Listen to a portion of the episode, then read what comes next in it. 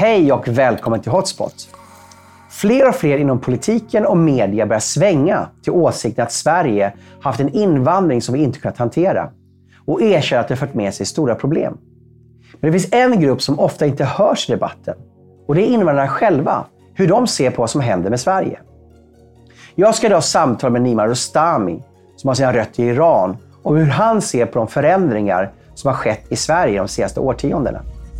Nima är advokat och aktiv inom debatten kring brott, migration och islam. Välkommen att ta del av vårt samtal. Hej och välkommen till Hotspot, Nima Rostami. Tack så mycket. Trevligt att vara här. Du har ju varit här förut och då talar vi om hur Iran eh, opererar i Sverige via sina moskéer. Eh, men jag tänkte idag så eh, ska vi prata om den eh, oro, du har, uttryckt, du har uttryckt oro för vad som händer med Sverige. Och jag själv bor ju i förorten och jag träffar mycket folk från Mellanöstern där och flera stycken beskriver hur de tyckte Sverige på 80-90-talet när de kom hit var så tryggt och de är oroliga för utvecklingen i Sverige. Eh, och de vill inte tillbaka till sina hemländer och de vill inte att Sverige ska bli som deras för detta hemländer. Eh, vad, när kom du till Sverige? Eh, det var i början på 90-talet. Början på 90-talet? Eh, jag var ganska ung. Mm. Eh. Vad skulle du säga, vad är, uppskattar du med Sverige och vad tycker du har förändrats och vad gör dig orolig? Alltså, det, det jag redan i, i ungdomen var intresserad av var inte typ att få ett eh, eh liv att fungera, utan det primära och det viktiga var ju just brist, eller törsten, och ska säga, strävan efter eh, en eh, demokrati och att leva ett fritt liberalt, sekulärt samhälle. När du bodde i Iran eller? När jag bodde i Iran och när, även jag, när jag sökte mig till Sverige så att säga. Mm. Hur gammal var du när du kom till Sverige? Jag var 19 år gammal. Mm. Mm, var ganska ung, men redan på den tiden fanns det här starka medvetenheten kring de, de här frågorna. Var det som du tyckte, trodde det var? I början tyckte jag att det, det är bra och det, det går bra och det är Eh, Eh, det går eh, liksom, det är så att eh, Sverige är ett land ut på västerländska idealen så att säga. Eh, det är klart den här kännedomen där på djupet, när man, djupet när man kan få då genom att leva i ett samhälle, det, det tog tid att inse hur det förhållandena fungerar, det verkliga förhållandena fungerar. Och där framförallt då, tänker jag, de senaste 15-20 åren har eh, vi fått ett förändrat samhälle. Eh, och det som eh, blev en stor besvikelse för mig var ju den, hur denna vänsteridealen har förändrat Sverige, både på gott och ont, och hur den själv förändrades att motarbeta den här västerländska idealen som, så, som jag trodde på och jag gick, utgick ifrån att det skulle gälla eh, och, och, hur de liksom motarbetar just den typen av, eh, just den västländska kulturen och demokratin framför allt då. Har du sett under tiden du har bott i Sverige den här förändringen? Ja. Eh, och den här Eh, I och med att jag själv eh, tillhör den kategorin av invandrare, invandrare som eh, upplevt en stark totalitarism och byggt på eh, framförallt den muslimska kulturen, kulturarvet och eh, vänster, eh, vänsterns ideal också påverkad av det eh, redan innan jag kom till Sverige. Med, med den, den, den liksom, det bagaget så ehm, tänker jag då att just den, den, det svenska etablissemanget om man säger så, som är vänster. Och så, så, så, jag, jag, jag definierar också vänster och socialliberaler. Eh, har liksom gett upp den tron, den starka tron på demokratin och den västerländska idealen. Eh, och istället eh, främjar djupt odemokratiska krafter i samhället. Och det här har jag inte kunnat smälta och förstå på riktigt. Jag gjorde ett program eh, här tidigare under förra säsongen med, med Torbjörn Aronsson och då talade han just om den nymarxism som växer fram med 68-rörelsen och eh, den nya vänstern innan dess, då, som är liksom moderlivet för 68-rörelsen. Just ointresset för demokrati som kommer genom nymarxismen. Därför att marxismen har ju inte ett intresse av demokrati, utan den har ju en färdig fix bild mm. som alla måste anpassa annars, är det ju inte, annars fungerar inte systemet. Ehm, men den här kritiken då mot västvärlden och väst, det västerländska eh, har, har, har man också utifrån min fiendens fiende är min vän kopplat in då också med muslimska krafter. För att ju, man har ju väldigt mycket omhuldat islam i Sverige och lyfter fram det som något väldigt fint. Medan man är extremt kritisk mot kristendom. Just det. Mm. Och det är det eh, jag var initialt på, att jag inte kan smälta det här. Hur eh, människor som eh, har sin grund i det västerländska kulturarvet eh, helt plötsligt eh, promotar just de här krafterna i samhället. Det, det, det, det förstår jag inte. och det, det, det, som är fel i det, i det hela tankemönstret är ju att man blandar ihop den västerländska kulturen om vi, tittar, om vi utgår från det där eh, migrantperspektivet för Mellanöstern, för muslimska länder framför allt då. Man blandar ihop eh, eh, synen på den västerländska kulturen med, med västerländska regeringars, regeringars intervention i deras hemländer. Eh, och Menar du framförallt USA då? USA, att man invaderade Irak, man invaderade Afghanistan? Man hade sina trupper i Somalia, man invaderade, eh, ja, man intervenerade i Libyen mm. och Syrien då, eller? Ja, eh, den, den typen av interventioner mm. eh, från, från mellanländers perspektiv Eh, Eh, så upp, likställer man det med den västländska kulturen och idealen eh, eh, med sekularism och liberalism och så vidare. Och, och, och det här är fel och det här tror jag även i väst har man inte riktigt förstått vad, vad det hela beror på. Om man går på den här hysterin från just den här österländska perspektivet och se på Kan det. vi gräva lite mer i det här så jag, jag förstår? så om USA då intervenerar, vilket de har gjort då i flera olika länder i Mellanöstern, då ser man att Europa och USA är samma sak, för det är ett västerländskt mm. land. Mm.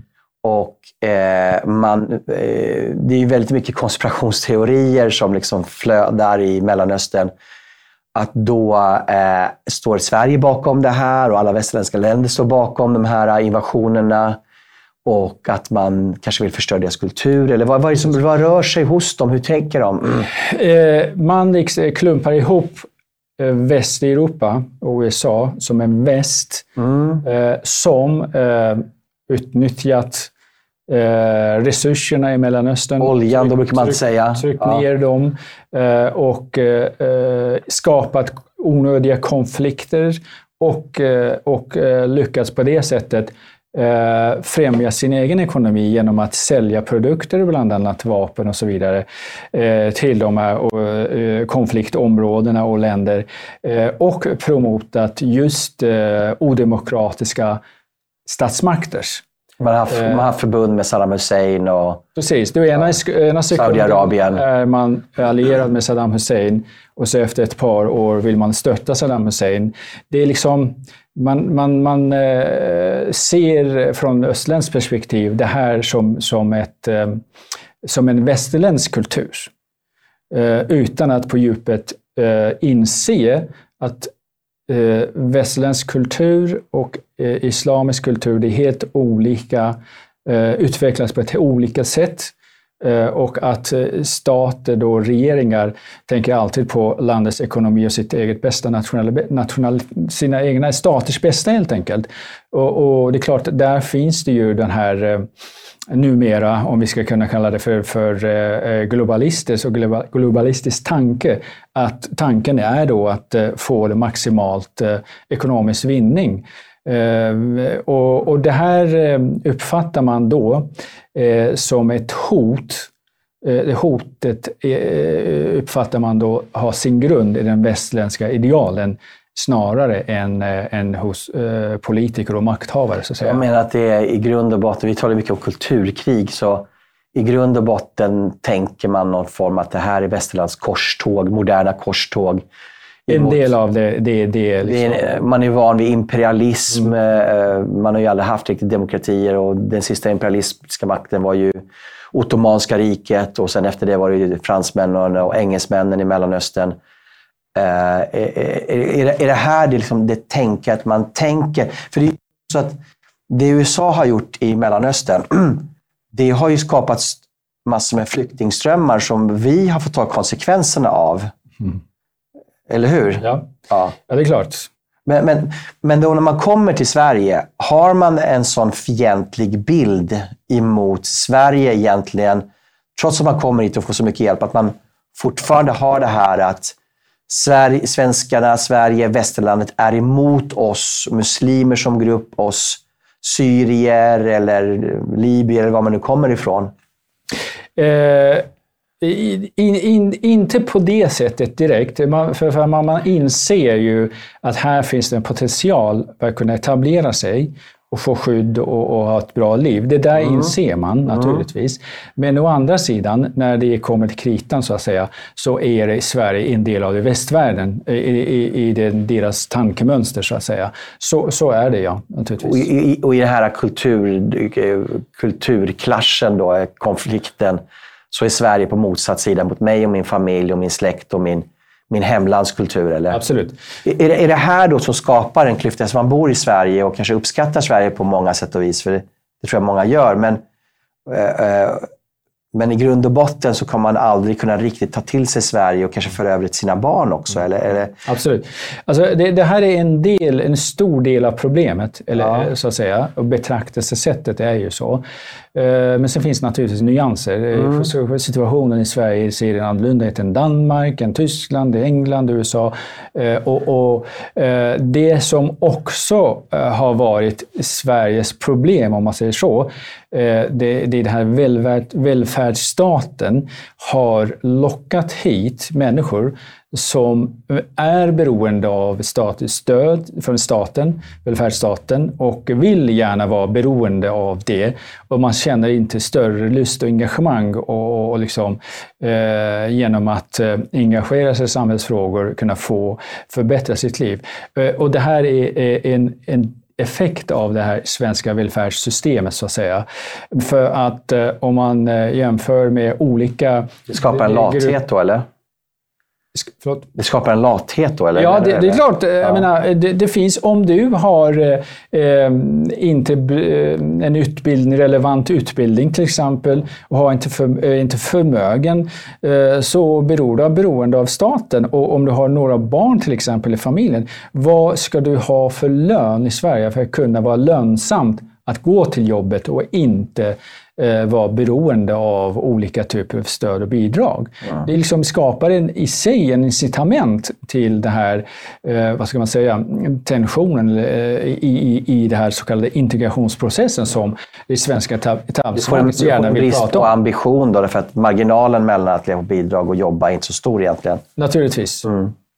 Eh, och, och det, det, det är ju, har lett till, eh, eh, förutom det, så har ju den migrationslagstiftningen sett ut som har gjort för, för, för att locka hit personer som om jag inte liksom överdriver, så, så tillhör de flesta av människor från Mellanöstern som har sökt sig hit, tillhör till alltså, bottenskicket av sina egna eh, ursprungsländer. Eh, det är det man har hittills eh, kunnat locka hit till Sverige.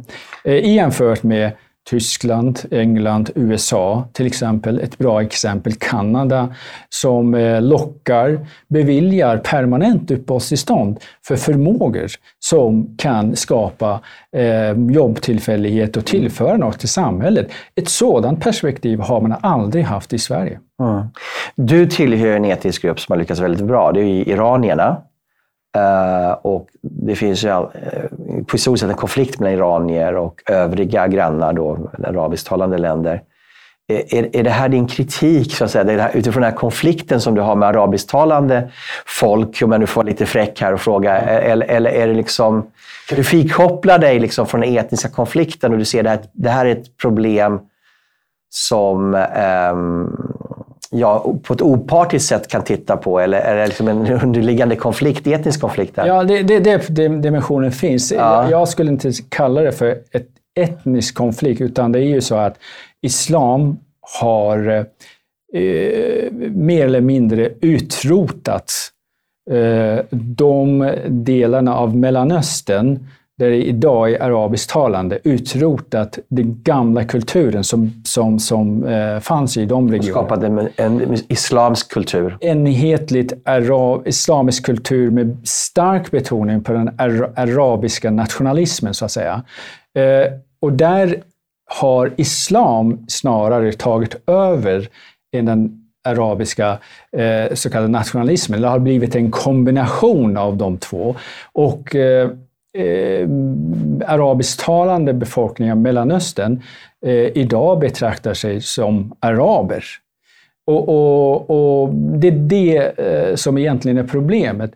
Och den dimensionen, eller ska man säga, den här hegemonin så att säga, eh, kunde man inte eh, genomdriva i, i Iran, alltså det nuvarande Iran. Och, och då blev det, det, den, den motsättningen lever fortfarande kvar.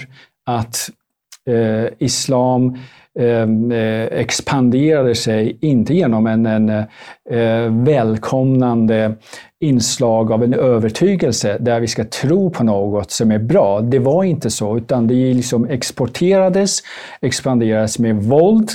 Eh, antingen ska du konvertera och bli muslim eller eh, så får du betala någon form av skadestånd eller, eller straffavgift utöver det normala, så att säga, bara för att du inte är muslim. Yazira. Och det här, precis, och det här eh, med islamiska tankemönstret som delar upp individer och territorier till vi och dem, muslimer och icke-muslimer, oavsett vad du är. Eh, om du är inte muslim så är du inte en del av den gemenskapen. Och den här kulturen eh, har lett till ett enormt liksom, aggression och agg mot alla andra. Eh, och, och det här med hatet också mot västlandet, det är ju, har sitt, sitt, sitt ursprung egentligen där en, det initialt pratade om. Eh, vi kan komma in på det lite senare. Men, ehm, och, och, när det gäller eh, just eh, Iran så, så lever kvar den här strävan eller, eller ehm, det här intoleransen mot islam, även om de flesta idag kan identifiera sig som muslimer, men, men inte som araber. Absolut inte. Men, men, eh, men där finns det en, en konfliktnivå som är ganska stark och det lever kvar än så länge. Mm. Eh, och, och det, det beror på det motståndet som fanns då egentligen gentemot islam. Och, och, men den här islamiska Eh, Eh, överhögheten kunde inte liksom vinna helt enkelt eh, eh, och, och, radera den gamla kulturen. Det är liksom, idag finns det ju en ganska stark element före islamisk tid och framförallt det motståndet som ledde till blomstring av poesin och så vidare som ville liksom bevara den nationella särarten den har ju till och med blivit mycket starkare även efter islams invasion av hela det persiska riket. Om man säger så. Mm, Men, men du, du nämner nu att man har den här synen på eh, att USA och västvärlden har skapat massor av problem i, i, i Mellanöstern. Eh, är det här någonting som man för över till sina barn som kanske föds i Sverige och är en orsak till en del, så att säga, att man inte riktigt integrerar sig, eh, att det finns liksom nästan ett, ett agg mot svenska samhället trots att man har fått väldigt mycket från Sverige? Eller finns det, eh, jag tycker att man ska inte generalisera för mycket, därför att det finns ju väldigt många människor som också är väldigt, väldigt, väldigt tacksamma och gör väldigt rätt för sig och jobbar hårt i alla de här etniska grupperna. Men vi ser ju vissa problem i vissa förorter mm. som nästan har liksom sin egen kultur eh, och, och liksom inte alls är kompatibel med övriga samhället. Mm. Det, det, är helt klart eh, föräldrars första generationens eh, tankemönster har överförts till, till andra och tredje generationer också. Och detta i kombination med en ganska stor invandring till Sverige har liksom helt plötsligt visat upp sig på det här sättet som, som du påpekar. Eh, bara på fyra decennier, det är ganska kort tid, mm. att, att eh, man, man har fått då in över 20 procent av befolkningen som är födda utanför Sverige. Och, och, Det är ju väldigt stor förändring i ett samhälle som Sverige, som tidigare har varit ganska homogen eh, och, och um, lugnt, eh, utan eh, um, en långvarig fred som har ändå rått i Sverige. Så, så uh, helt plötsligt liksom blandar du med inslag av en uh, befolkning som tror på den här islamiska hegemonin, vi och dem, eh, tänkandet. Eh, eh hatet mot väst. Eh, och Sverige är en del av eh, västvärlden. Och, och framförallt i Sveriges goda relation med, med USA i Sverige, EU, har ju faktiskt goda relationer med samtliga länder i världen. Men relationen med, med eh, USA kan man ju ändå beteckna som en exceptionellt bra. Eh, och det där eh, ser man då i Sverige som en majoritetsstat eller, eller en del av USA. Det, det liksom påverkar de här alla kombinationerna så att det, det får ju en effekt till då att det växer upp en, en, eh, ganska stor del av befolkningen växer fram i Sverige som hatar vad det i Sverige har varit tidigare. Mm. Det, det, det, varför kommer man då till Sverige om, om man nu har den här fientligheten? Med, jag skulle inte tänka mig att flytta till ett land som jag känner är, är fientligt mm. mot Sverige. Ja, jag antar det, det, det beror på just det svenska migrationslagstiftningen och det här välfärdsstaten. Där finns det möjlighet eh, för att eh, ta till sig de här eh, möjligheterna, resurserna för att... Eh, en evig försörjning, garanti? För... Det, det, det, jag, jag, tror att det är det som är anledningen faktiskt. Mm, mm, mm. Hur ska vi lösa det här då? Nu, nu... Eh, vi har ju haft en, eh, som sagt, vi, vi, jag kallar det, eller, och, och, experterna kallar det för just eh, migrationspolitik som tillåter folk migrera till Sverige. Det är ju en direkt instrument mm. för att kunna styra det och eh, så kallade pullfaktorer som, som man eh, så fint kallar det. Pullfaktorer handlar om kriminallagstiftning, det handlar om eh, sociala förmåner, det handlar om medborgerliga rättigheter. Eh, idag kan du rösta delta eh, i val, i kommunal och regionalval bara för att du har bott i Sverige några år. Eh, och det är liksom sådana typer av incitament eh, som eh, måste reformeras eh, för att, eh, för att kunna styra eh, utvecklingen och, och behålla mm. den, den västerländska kulturarvet som ändå har ju liksom lett till den framgångarna. Men, men, en del av vårt västländska kulturarv är ju engagemanget för varandra, för samhället. Att om du har folk som bor i en kommun, orsaken till att du kan rösta efter, jag tror om du har bott tre år i Sverige så får du rösta i kommunalval exempelvis, oavsett om du är medborgare eller inte, är just för att vår, vårt samhälle är byggt på att alla drar sitt stå, strå till stacken och därmed kan också alla vara delaktiga. Uh, men uh, drar du inte det här för hårt? Då? Men det finns ju väldigt många människor som verkligen vill det bästa för Sverige, som kommer hit för att jobba hårt, bygga upp det bästa för sin familj. Ska då liksom några få människor förstöra för alla och att vi bygger om helt våra system bara på grund av några få människor i sammanhanget idén är, är destruktiva. God. Idén är väldigt god. Ja. Det har ju möjligtvis fungerat i Sverige ja. när det, det etniska eh, liksom, eh, sammansättningen sett annorlunda ut tidigare. Mm. Eh, det, den verkligheten finns inte idag. Den verkligheten du beskriver finns inte idag. Du menar att den, det idealet kan vi inte leva efter längre? Nej, för att det, nu om vi, vi, vi, behöver inte spekulera, vi kan ju bara titta på statistiken. Mm. Eh, överväldigande majoriteten av Sveriges eh, befolkning på anstalter har migrantbakgrund, i framförallt ursprunget till mellanländer om man säger så. Där ser du ett tydligt eh, exempel på varför det inte fungerar. Eh, den verkligheten du beskriver tillhör 40-50 år sedan. Eh, det byggdes på en annan ideal, eh, eh men eh, nu eh, finns det en grupp som har växt inom ganska kort period, har växt fram starkt, som har, tror inte på den här idealen. Och, och genom att låta, utan att de personer Eh, på djupet visar sitt engagemang i demokratianda, i sekularismens anda, i liberalismens anda, låta bara, bara för att personen vistas eh, och eh, ta del av de här förmånerna som finns är ju fel väg att gå.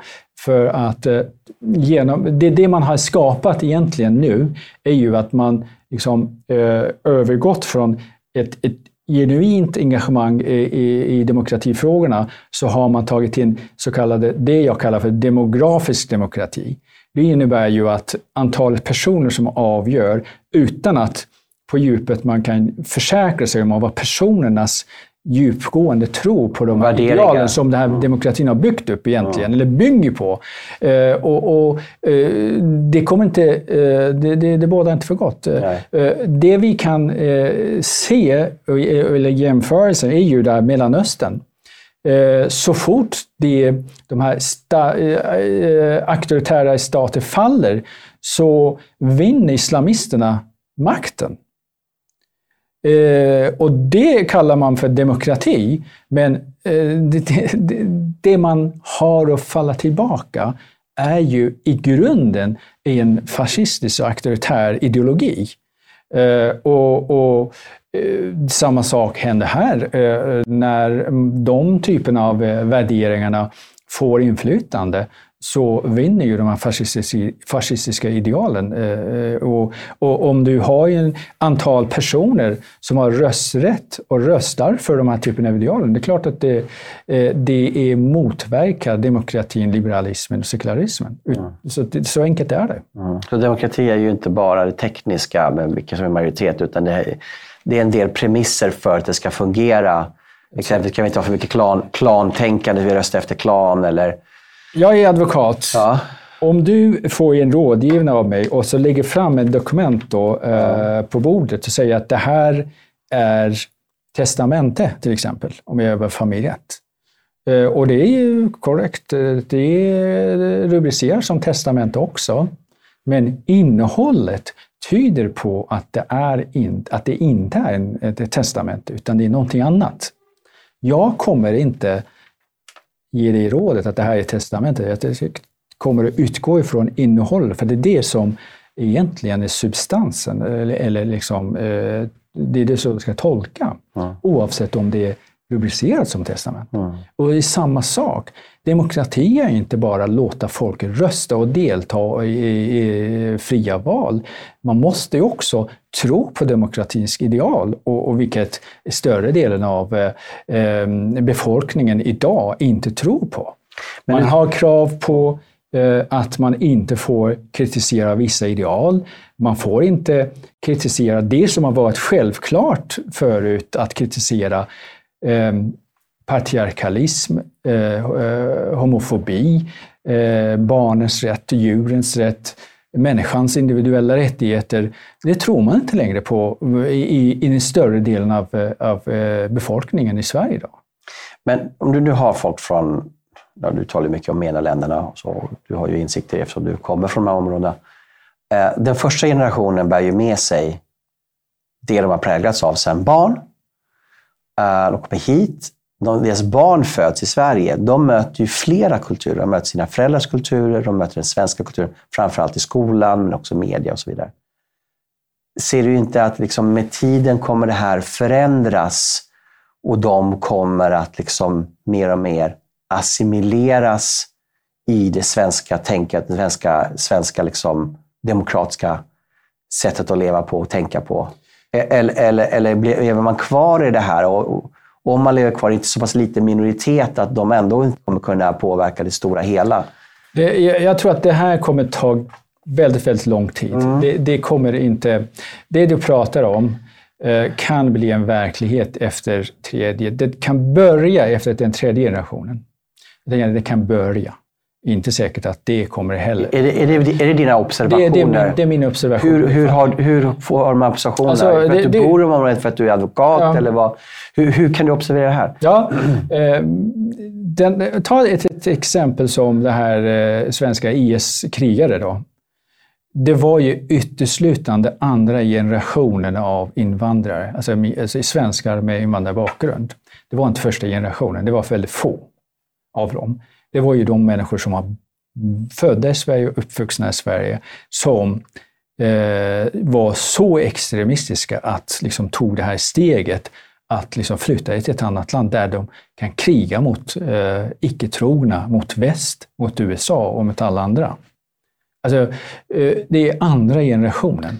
Trots att de eh, har haft möjligheten att utvecklas på ett demokratiskt sätt. Varför har det inte lyckats? Varför har inte det här svenska skolsystemet och det här eh, föreningslivet som, som ändå finns och väldigt starkt präglar samhället, har inte kunnat påverka just de grupperna? Jag menar, det är eh, anledningen att eh, första generationen, som vi initialt, jag initialt var inne på, tillhör till den mest konservativa, i negativ bemärkelse, bottenskickas i samhället och de har ju pumpat in den här kulturen i den andra generationen. Och andra generationen, eh, med det eh, kulturarvet i bagaget, kommer inte lyckas och det kommer även påverka den tredje generationen. Och, och, Det du beskriver kan bli en verklighet, påbörja en sån process efter den tredje generationen.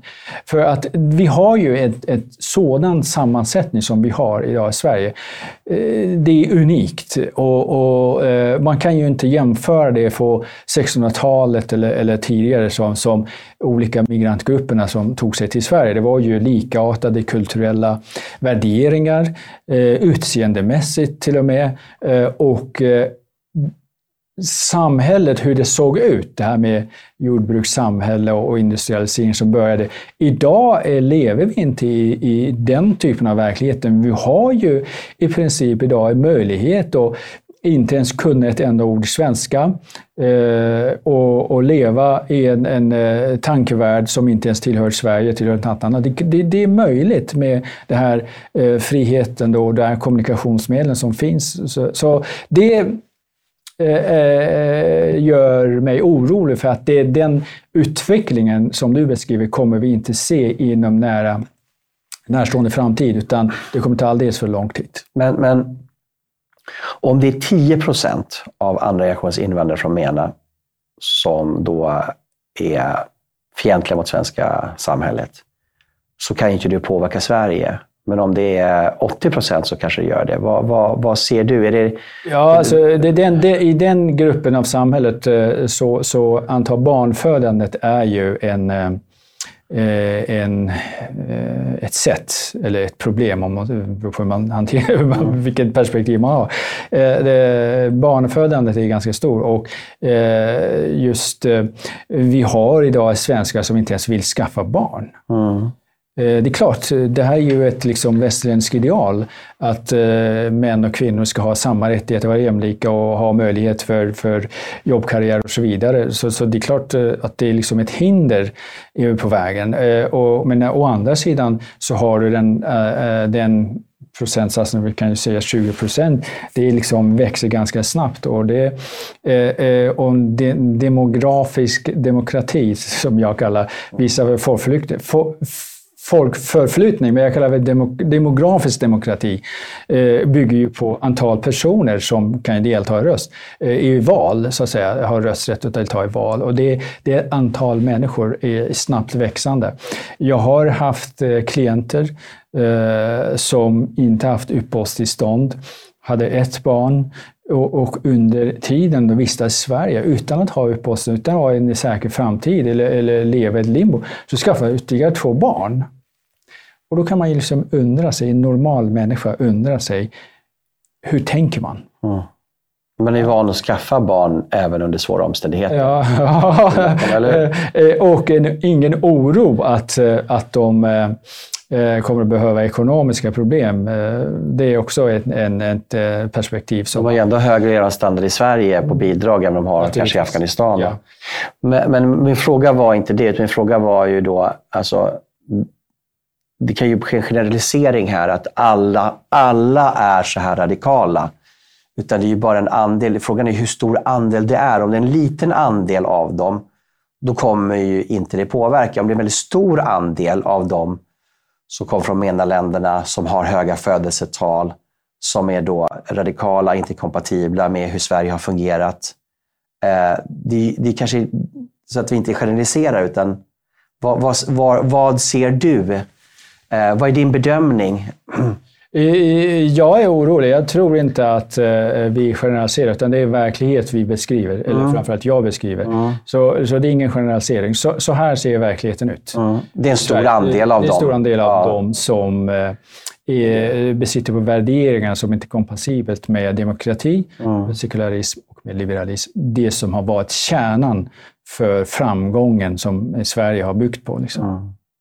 Vad, vad... Och där, och där, och där, och där Eh, eh, vi, vi, vi, vi ska tänka liksom att det här är inte någon som av naturlag som de här människorna besitter, utan det har sin grund i, eh, jag kallar inte islam som en religion, utan jag kallar islam som en ideologi. Där har du den grunden, så att säga. Mm. Den är mer all, allomfattande, hela samhället, hur man ska leva alltihopa. Men eh, du är ju också brottsmålsadvokat. Och ehm, vi har ju stora problem nu med gängskjutningar, gängbildningar, dominanskultur bland unga män i förorten. Um, Ser du någon lösning på det här? Du har ju insikter i hur kommer vi åt det här? Det är svårt. Det är en svår fråga. Det, det kommer ta tid, mm. men man måste jobba i en rätt riktning. Eh, från vänsterhåll tycker man väldigt mycket på just det här förebyggande arbetet i skolan och så vidare. Men, men det här har man ju haft. Det, det är vad man har sysslat med. Socialdemokratin är sysslat med hela, hela sin existenstid på det här. Och ändå har ju blivit annorlunda. Eh, och, och, då måste man liksom förstå och pröva fram andra metoder. Och i Sverige är inte ett normalt land i det perspektivet. Eh, jag menar att två års fängelsestraff för våldtäkt två tredjedelar, alltså en tredjedel, efter ett eh, avtjänat straff och två tredjedelar av eh, fängelsestraffet så blir man villkorligt frigiven. Förhållandena på anstalten eh, och eh, de bedömningarna som, som är en del av lagstiftningen. det är ju straffskalorna som jag var inne på. Det, det är ju ett problem. Man betraktar... Det, det, det, det va, va, I brottmåls eller kriminallagstiftning så har man ju två perspektiv. Det ena är ett individuell preventiv eh, medel och allmän preventivt syfte. Individuellt preventivt syfte, allmän. Individuellt är att personen börjar begått brott så måste man ju straffas. Det är ju liksom hela det här strafflagstiftningen bygger ju på. Eh, och där har ju straffskalorna eh, i många fall nästan ingen effekt, mm. skulle jag säga. Eh, och sen det här allmän prevention, det är ju om du ser att en person begår brott och rättsvårdande myndigheter inte ens kan lagföra de här personerna, vad, har, vad får det för eh, allmänpreventivt syfte? Det liksom spelar sig ut sig, själva lagstiftningen spelar sig ut sig. Eh, och då får ju liksom ingen effekt överhuvudtaget samhället. Eh, utbildning och skolan, ett bra instrument, det måste ju finnas och det, det är oundviklig del av den här uppfostring och mekanismen.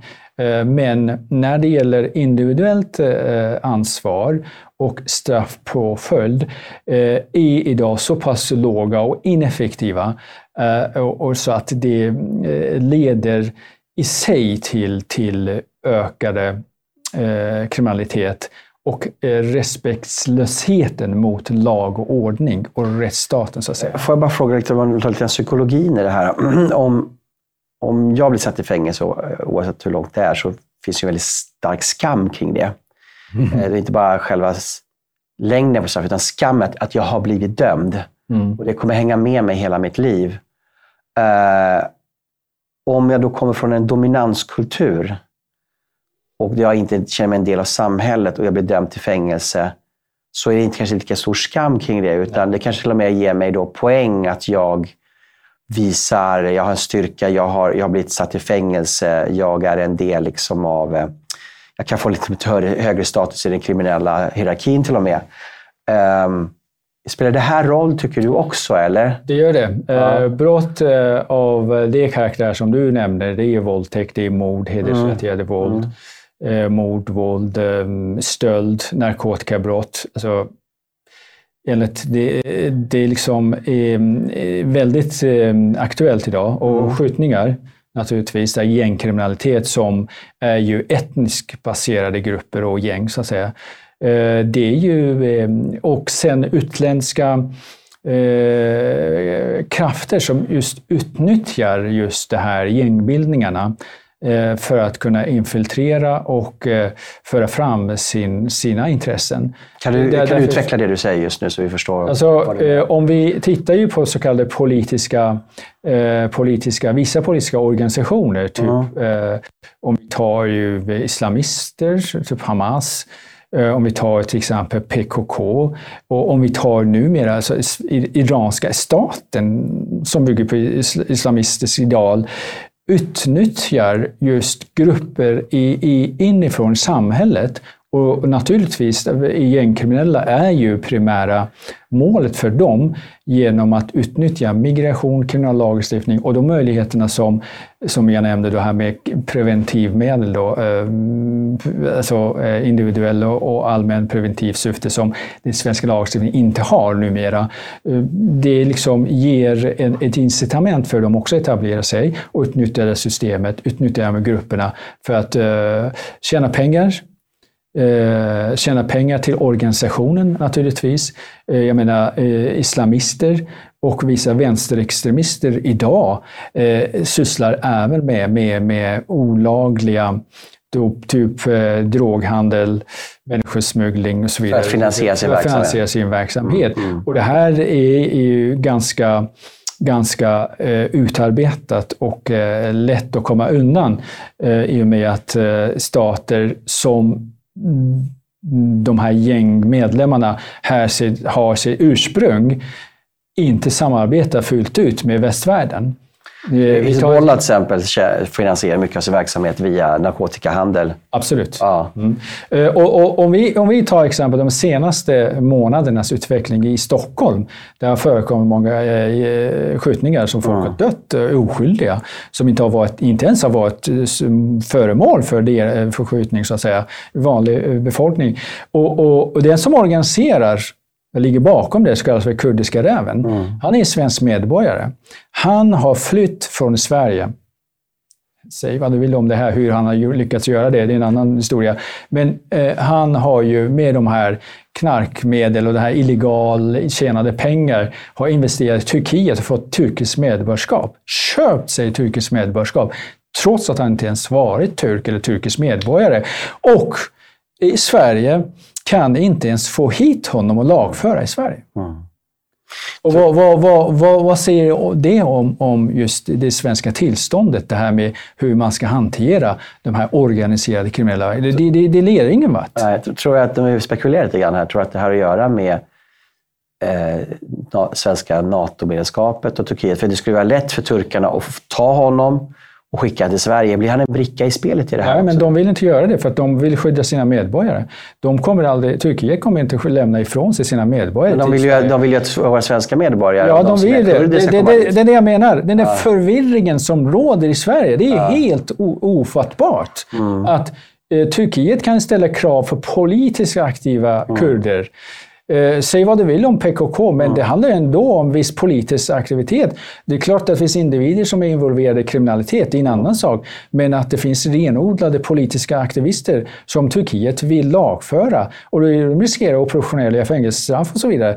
Men samma krav kan inte Sverige ställa till Turkiet och Erdogan. Och, och, och det här är en del av det här undfallenheten som vi pratar om.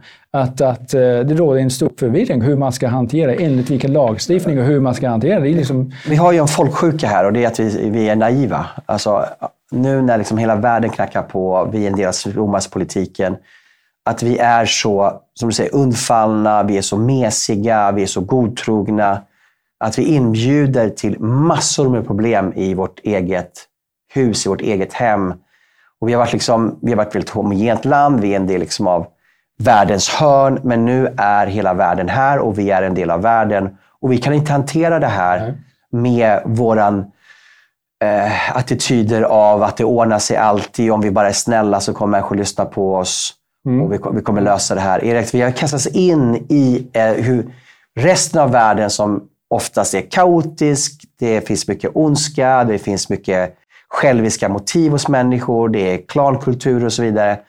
Vi kan inte hantera det här längre. Nej. Vi har inte redskap, men vi fortfarande tror att vi har redskapen, men vi har inte redskapen. Nej, det, det, det är det som är problemet lite, mm. grann, lite grann. Det är det som är problemet. Eh, den verkligheten du beskrev tidigare, den finns inte längre.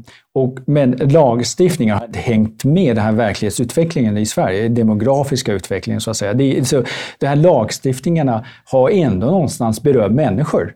Det berör inte en fantasi, en idé. Det berör ju människor. Om du går brott så ska dömas. Och hur ska en domstol döma en person om det inte finns en lagstiftning, lagstöd för det? Ja?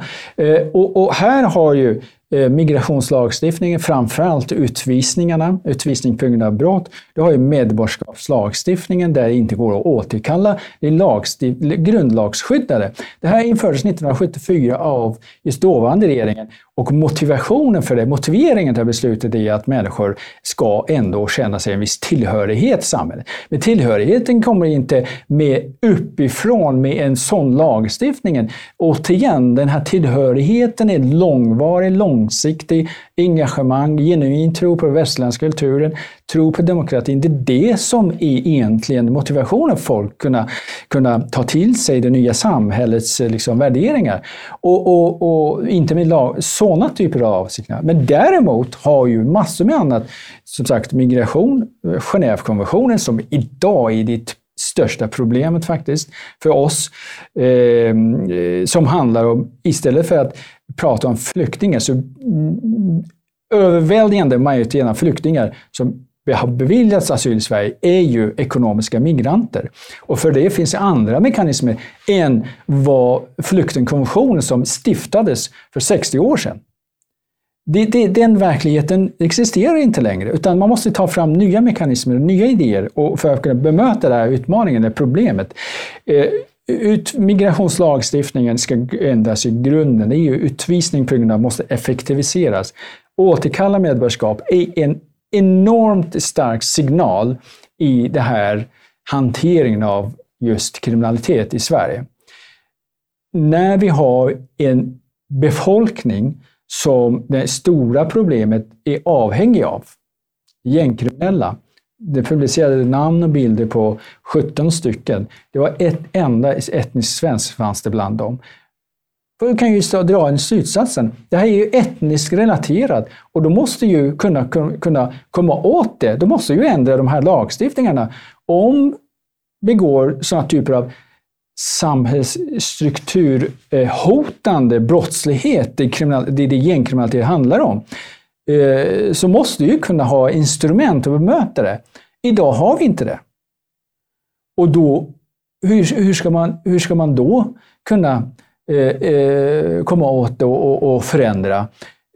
Tiden av, avgör inte det, utan den här viljan och den politiska viljan att kunna genomföra reformer i, i, i de här tre olika områdena. Vad skulle du vilja se då som advokat? Eh, rejäl skärpning, det, det är på gång. Alltså Tidöavtalet, tänker jag, när man läser ju när det avser migration och kriminalitet, det är ju ser för bra ut, ut för att kunna eh, eh, tycka att det är, jag, jag, tycker att det är idealiskt.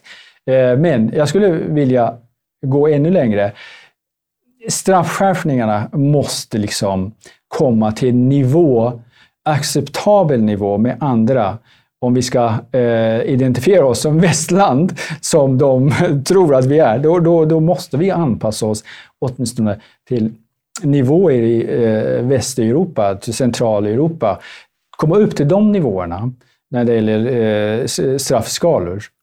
Eh, reformera eh, rätten till, eh, till medborgerliga förmåner. Eh, förläng eh, rätten till att skaffa medborgarskap. Eh, idag i princip kan du få medborgarskap efter fem års vistelse i Sverige. Du behöver inte ens, du behöver inte ens kunna svenska. Eh, det, det, här är helt orimligt.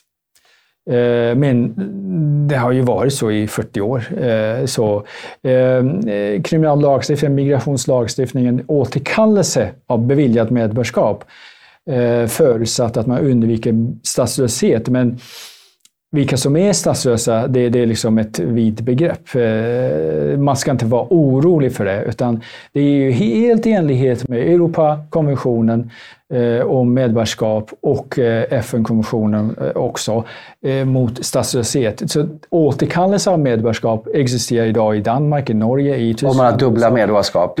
Om man har dubbla medborgarskap. Mm. Så återkallelse av medborgarskap kan faktiskt vara betydligt effektivare än att mm. ändra kriminallagstiftningen. Men idag säger grundlagen att man inte får äh, återkalla medborgarskap. Det är inga problem. Eh, I, i, i just eh, i nuvarande mandatperioden finns det faktiskt stöd för det mm. bland eh, regeringspartierna och från Sverigedemokraterna att reformera just grundlagen i det avseendet. Att det ska vara möjligt att vi under vissa förutsättningar återkalla beviljat medborgarskap, eller återkalla medborgarskap överhuvudtaget. Och det ska omfatta inte bara första generationen, utan det kan ju om, behöver också omfatta andra generationer. Skulle det också gälla ifall man har uppgett falska uppgifter? Ja, det, är, och det är ju grundläggande eh, eh, skälet för att, det primära skälet att återkalla ett medborgarskap är ju att att man förfarit kriminellt bedrägligt genom att ljuga om sin identitet, genom att uh, muta personal och så vidare. Eh, eller, eller uh, undanhålla information som var viktig för, för beslutet. Det, det är ju grundläggande. Sen kommer vi in då uh, återkallelse på andra grunder, kriminalitet, för att kunna eh, anpassa oss till den här verkligheten idag i Sverige. Och det är, väldigt, väldigt viktigt. Jag, jag skulle säga att mer viktigt i, i den här integrationsprocessen och eh, att bekämpa gängkriminalitet är ju väldigt viktigt. Den, den, den reformen är betydligt viktigare än att, eh, att eh, skärpa hela strafflagstiftningen faktiskt. Men jag, jag tänkte, om, om vi nu tittar på om man ska återkalla medlemskap byggt på falska uppgifter då måste man ju öppna gamla fall och det, det, det är ett väldigt tidskrävande och resurskrävande att eh, öppna sådana fall. Och du måste ju ha någonting, alltså hur ska du få reda på information när personen har fått information på falsk grund. De kommer inte själva gå och säga det. Nej, men de, de som har redan beviljats, eh, det ska inte vem, vem ska initiera det? Ja, det är eh, rättsvårdande myndigheter. Det är ju Migrationsverket. Det kan ju vara eh, Polismyndigheten som genomför utredningar. Ja, de har fått tips på något sätt. För ja. det, det, blir ju väldigt alltså, svårt. Alltså, idag när, praktiskt väldigt svårt tycker jag. Ja, det är mm. inte omöjligt. Mm. Men för idag är det så att personer själva Eh, när de väl får medborgarskap. För idag behöver du inte ens göra din identitet sannolik när eh, du får medborgarskap. Jag menar, grundläggande är att du ska styrka din identitet. Och, och eh, men även om man inte gör det så får man efter åtta års vistelsetid i Sverige, så får man genom en ett undantagsregel få medborgarskap ändå. Eh, jag tycker att det här är ytterst anmärkningsvärt. Du vet inte vem du beviljar medborgarskap bara för att personen har vistats i Sverige i åtta år. Det, och det, det finns folk som gör ju det undanhåller informationen eh, om sin identitet, får medborgarskap och när väl det beviljats, då kan de till och med själva tillkännage genom att vända sig till Skatteverket och försöka ansöka om byte av sina personuppgifter med handlingar från hemlandet som visar att den initiala eh, ursprungliga informationen stäm inte stämde. Och inte riskerar någon konsekvens för att eh, medborgarskap, beviljat medborgarskap oavsett om det har beviljats eh, på grund av personens felaktiga förfarande, inte ens då kan återkallas. Mm. Har... Det, det, det sticker faktiskt ut. I Sverige unikt i det avseendet. Du har ju också kritik mot utvisningsförfaranden för brott. Uh, kan du beskriva vad du tycker är problemet med det? Problemet är att när personen beviljas, utlänningen beviljas uppehållstillstånd i Sverige, då frikopplas den personen. Om personen får permanent uppehållstillstånd frikopplas det från Migrationsverket. Och då eh, är det som, som en medborgare i landet. Och då eh, när personen begår brott, eh, då finns det vissa eh, kriterier. Det ska naturligtvis uppfyllas, typ att eh, påföljden fängelse, straffvärdet, som är alltså fängelsestraffet, eller straffet, enkelt uttryckt, är, personen döms för minst sex, års, sex månaders fängelsestraff, eller att det finns risk för återfall i brottslighet. Personen har begått små brott, men ganska ofta, och det finns risk för fortsatt brottslighet. Då kan personen utvisas också. Det är grundläggande. Och sen ska man ta hänsyn till mycket annat. Det barnperspektivet, barnets, om du har barn och barnets behov av kontakt med föräldern. Eh, om personen eh, har bott i Sverige fyra år, så anpassat till det svenska samhället, typ i form av anställning, utbildning och så vidare. Eller om personen har skyddsbehov gentemot hemlandet. Det, är liksom, det perspektivet finns också. Eh, eh men det är de här utredningarna gör tingsrätten, trots att det egentligen inte genomförs någon form av utredning av det här. Utan i bästa fall inhämtar tingsrätten Först åklagaren måste nästan måste väcka frågan om utvisning när åtal väcks. När det har gjorts så inhämtar eh, tingsrätten då, eh, upplysningar från Migrationsverket, från sociala myndigheter för att ifall personen har barn i Sverige, familj och barn. Eh, och det är enda eh, utredning som görs. Och då Migrationsverket är frikopplat.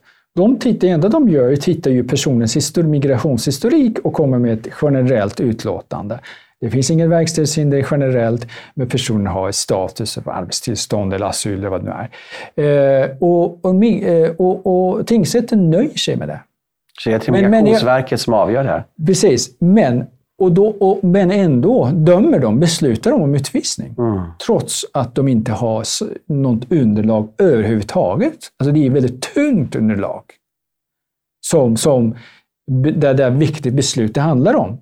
Och jag tycker att eh, det, tingsrätterna, våra nämndemän och eh, juristdomare, de har inte den möjligheten och kunskapen att eh, genomföra en ändamålsenlig utredning i, i, de, uh, i det perspektivet. Och då menar jag att huvudregeln ska vara utvisning om personen begår brott. Och sen utifrån det Eh, får Migrationsverket ta över utvisningsdelen, huruvida det går att verkställa utvisning eller inte. Och så, så får de genomföra utredningen genom att personlig utredning, intervju, genom en eh, eh helhetsbedömning, hur personens eh, sam liv har sett ut och anpassningsgraden och så vidare. Och det är faktiskt Migrationsverket som är expertmyndigheten och har bättre underlag Eh, kan ha bättre underlag och göra en bedömning än vad våra tingsrätter gör. Där är, eh, tänker jag, det största problemet idag faktiskt. Förutom de här rekvisiterna som, som lagstiftaren har, då, utvisning på grund av brott. De ska, alla ska naturligtvis inte utvisas, eh, det är helt orimligt, men, om man begår lilla minsta brott. Men, men när man har bestämt sig att personen uppfyller krav för utvisning, då ska tingsrätten eh, alltså Migrationsverket ta över och göra en bedömning om, om utvisningsfrågan än i tingsrätten så att säga. Och där är ett jättestort problem tycker jag. Mm. Eh, vi, vi hade, jag ska inte nämna något fall, men låt oss säga en person som begår brott och personen döms för tre, års, tre månaders fängelsestraff. Det finns risk för äh, återfall i brottslighet. Personen vistas illegalt i Sverige. Mm. Det finns till och med ett utvisningsbeslut från Migrationsverket, migrationsdelen så att säga. Och vi vet att migrationsbeslut, det är administrativt beslut, det finns en preskriptionstid. Det preskriberas efter fyra år. Personen skulle, utvisningsbeslut skulle preskriberas om två månader, så hade vi en förhandling. Och så tingsrätten vägrade att döma personen för utvisning på grund av brott, trots att personen vistas i landet illegalt. Mm. Vad sänder för signaler det här? Mm. I vilket land kan du vistas illegalt och begå brott? Det förekommer. Det finns inget land som tolererar sånt. Men i Sverige är det möjligt. Fullt möjligt. Domstolarna dömer inte personer för utvisning. Mm. Ja, det är chockerande. Nima, tack så jättemycket att du har kommit. Intressant information eh, faktiskt. Och eh, ja, vi eh, får hoppas att vi eh, får ordning på de här bitarna. Tack så mycket. Mm. Tack så mycket du som har lyssnat och dela gärna med dig på sociala medier. Och välkommen tillbaka nästa vecka med nya program. Tack.